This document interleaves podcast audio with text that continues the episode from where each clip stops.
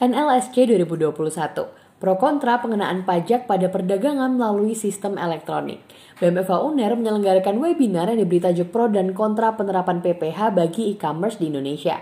Sebagai awal dari selangkaian acara National Law Student Conference 2021, yaitu kompetisi esai bagi mahasiswa hukum tingkat nasional.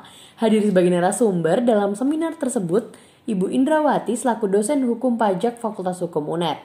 Beliau menyampaikan bahwa latar belakang dari tax reform terhadap pajak penghasilan adalah sebagai upaya peningkatan kesejahteraan, keadilan, dan pembangunan sosial, serta upaya untuk mempercepat pemulihan perekonomian yang berfokus pada perbaikan defisit anggaran dan peningkatan rasio pajak. Selain itu, subjek pajak penghasilan terdiri dari subjek pajak dalam negeri dan luar negeri.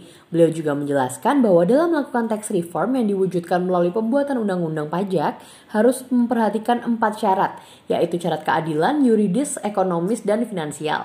Dan selanjutnya materi diberikan oleh Samsul Arifin selaku penyuluh pajak ahli muda kantor wilayah DJP Jawa Timur 1. Beliau menyampaikan bahwa rasio legis peraturan Menteri Keuangan tersebut adalah untuk menciptakan kesetaraan perlakuan perpajakan baik antara pelaku usaha konvensional dan pelaku usaha ekonomi digital, serta melakukan optimalisasi penerimaan pajak. Secara eksplisit, Peraturan Menteri Keuangan Nomor PMK 48 garing PMK 03 garing 2020 membebankan pengurutan PPN sebesar 10% dalam aktivitas perdagangan melalui sistem elektronik. Ketentuan tersebut mulai berlaku sejak tanggal 1 Juli 2020 terhadap barang kena pajak tidak berwujud serta jasa kena pajak.